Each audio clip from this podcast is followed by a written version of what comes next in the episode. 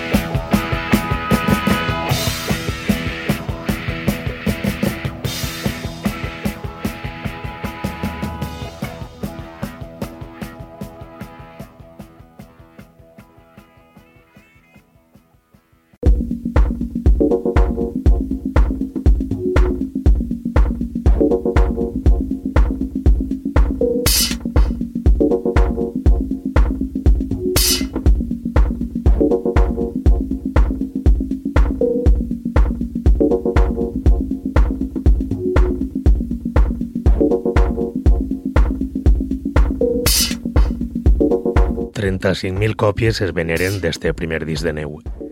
I per a res escalfaren massa el cap, ja que feren tot el que es va vindre en gana i detalls com la portada, escrit en neu, amb rotulador roig en un fons blanc, demostrava que la imatge era el que menys els importava.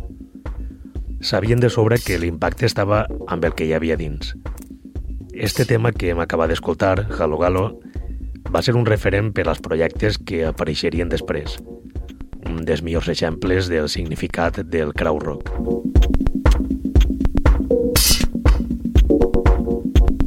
Klaus Dinger i Michael Rother es sentiren abrumats amb la resposta del públic i no tardaren gens en preparar un nou disc.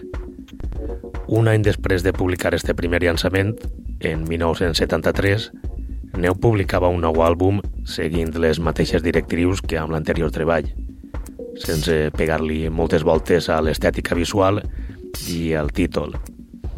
Neu 2 seria el nom que rebria este segon àlbum d'esta parella de Dusseldorf. Un disc carregat de problemes. Primer que tot per la falta d'ingressos per a poder assumir la gravació i després perquè l'estil acaba derivant al terreny de Dinger amb una part de l'àlbum més accelerada del normal, cosa que Rother no veia amb bons ulls. Però sobre no estar convençut Rother del resultat amb este segon disc, Neu aconseguia obrir distància entre la part més melòdica i la més experimental. Neu 2 obria amb un primer tema igual d'èpic que Halo Galo. Obria amb Furimer.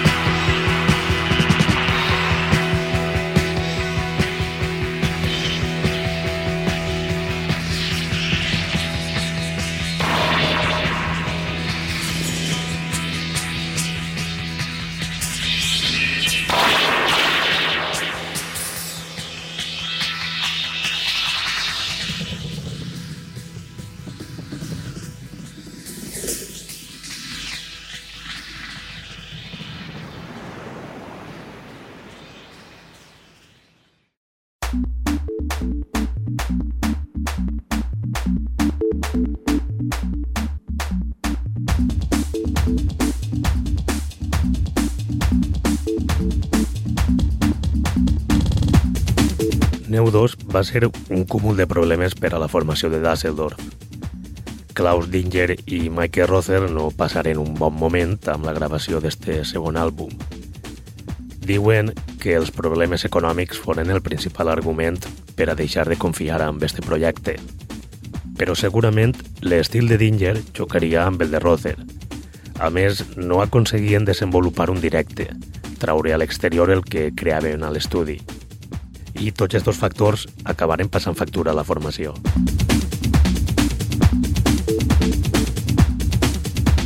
Després de la publicació d'este segon àlbum, Neu es separaria. Klaus Dinger es va aventurar amb una altra banda i fundar junt al seu germà Thomas i Hans Lampe una nova formació anomenada la Dasseldorf. Michael Rother no es va quedar parat i formaria Harmonia, junt als components del duo Cluster.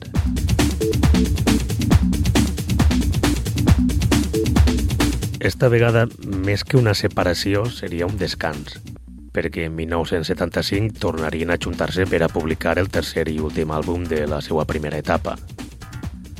Amb Neu 75, Michael Rother es va ocupar més de la cara A i va tirar cap a l'ambient. I en la cara B, Klaus Dinger va comptar amb la col·laboració dels components de la Dasseldorf per a crear temes més abrasius. Lep Wall és un dels temes amb els que es nota la mà de Roder.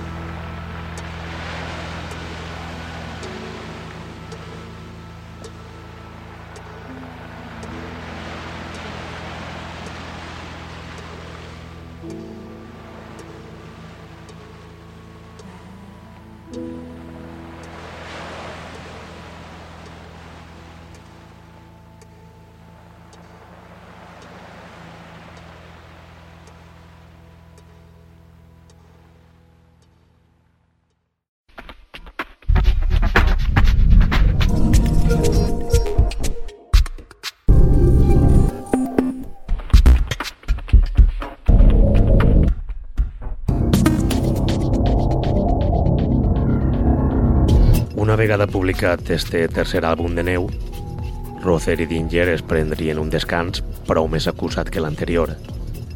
Cadascú dels dos tornarien als projectes que havien format amb la primera separació. Fins i tot, Rother iniciaria una carrera en solitari prou fructífera amb la qual llançat 10 àlbums des de l'any 77 fins a 2004. 10 anys després de la publicació de Neu 75 i amb un grapat de projectes en marxa per part de Dinger i Rother, la parella de Dusseldorf decidí reunir-se de nou per a crear el quart àlbum de Neu. La història d'aquest àlbum és un tant peculiar perquè es va elaborar a mitjan de la dècada dels 80 i fins a 1995 no li donaren eixida.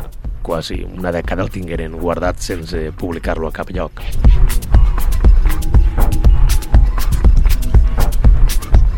Neu 4 hauria d'haver-se publicat en la dècada dels 80, però no va ser així. I si va veure la llum va ser perquè Dinger decidí publicar-lo sense el permís de Rother.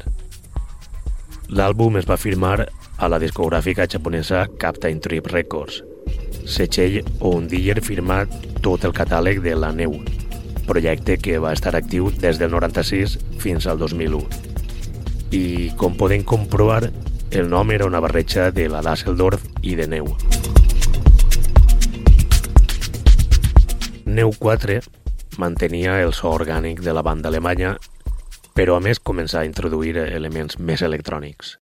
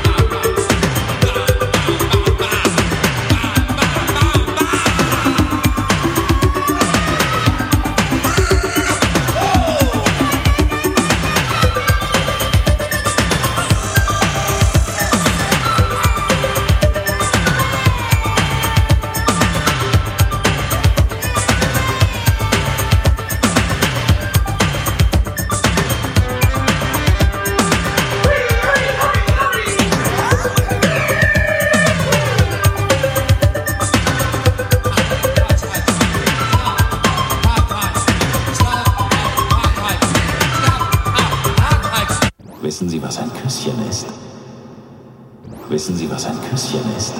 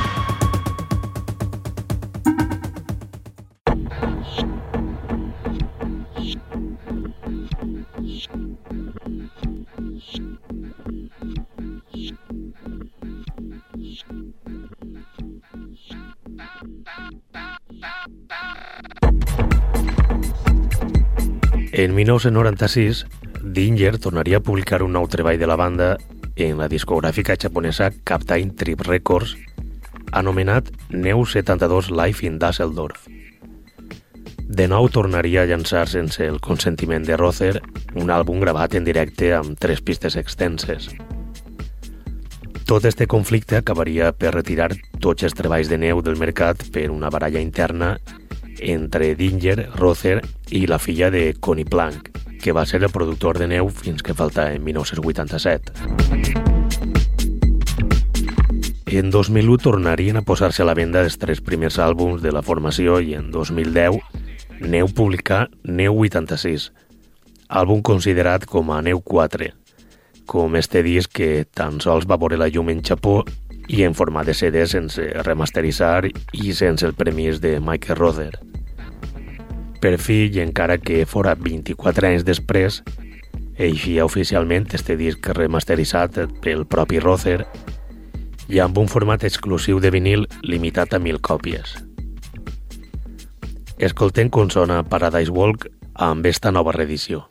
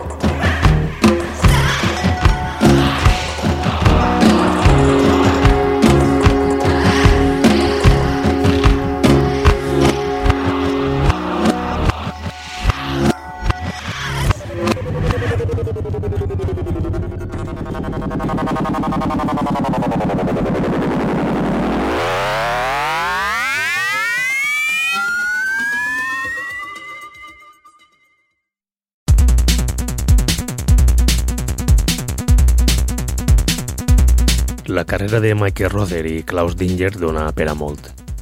Neu tan sols va ser el primer projecte d'amb dos artistes i l'únic que van compartir. Però tant Dinger com Rother feren coses molt interessants amb els altres projectes com la Dasseldorf i Harmonia. Fins així queda tot dit sobre el treball de Neu, ja que no va ser massa extens. Quatre àlbums oficials i una publicació d'un directe a la discogràfica japonesa Captain Trip Records. Així que, per acabar, vaig a remuntar-me a l'any 76 per a ressaltar un dels grans treballs de Roser en Harmonia, editat baix el nom de Harmonia 76 i publicat 21 anys després de la seva creació.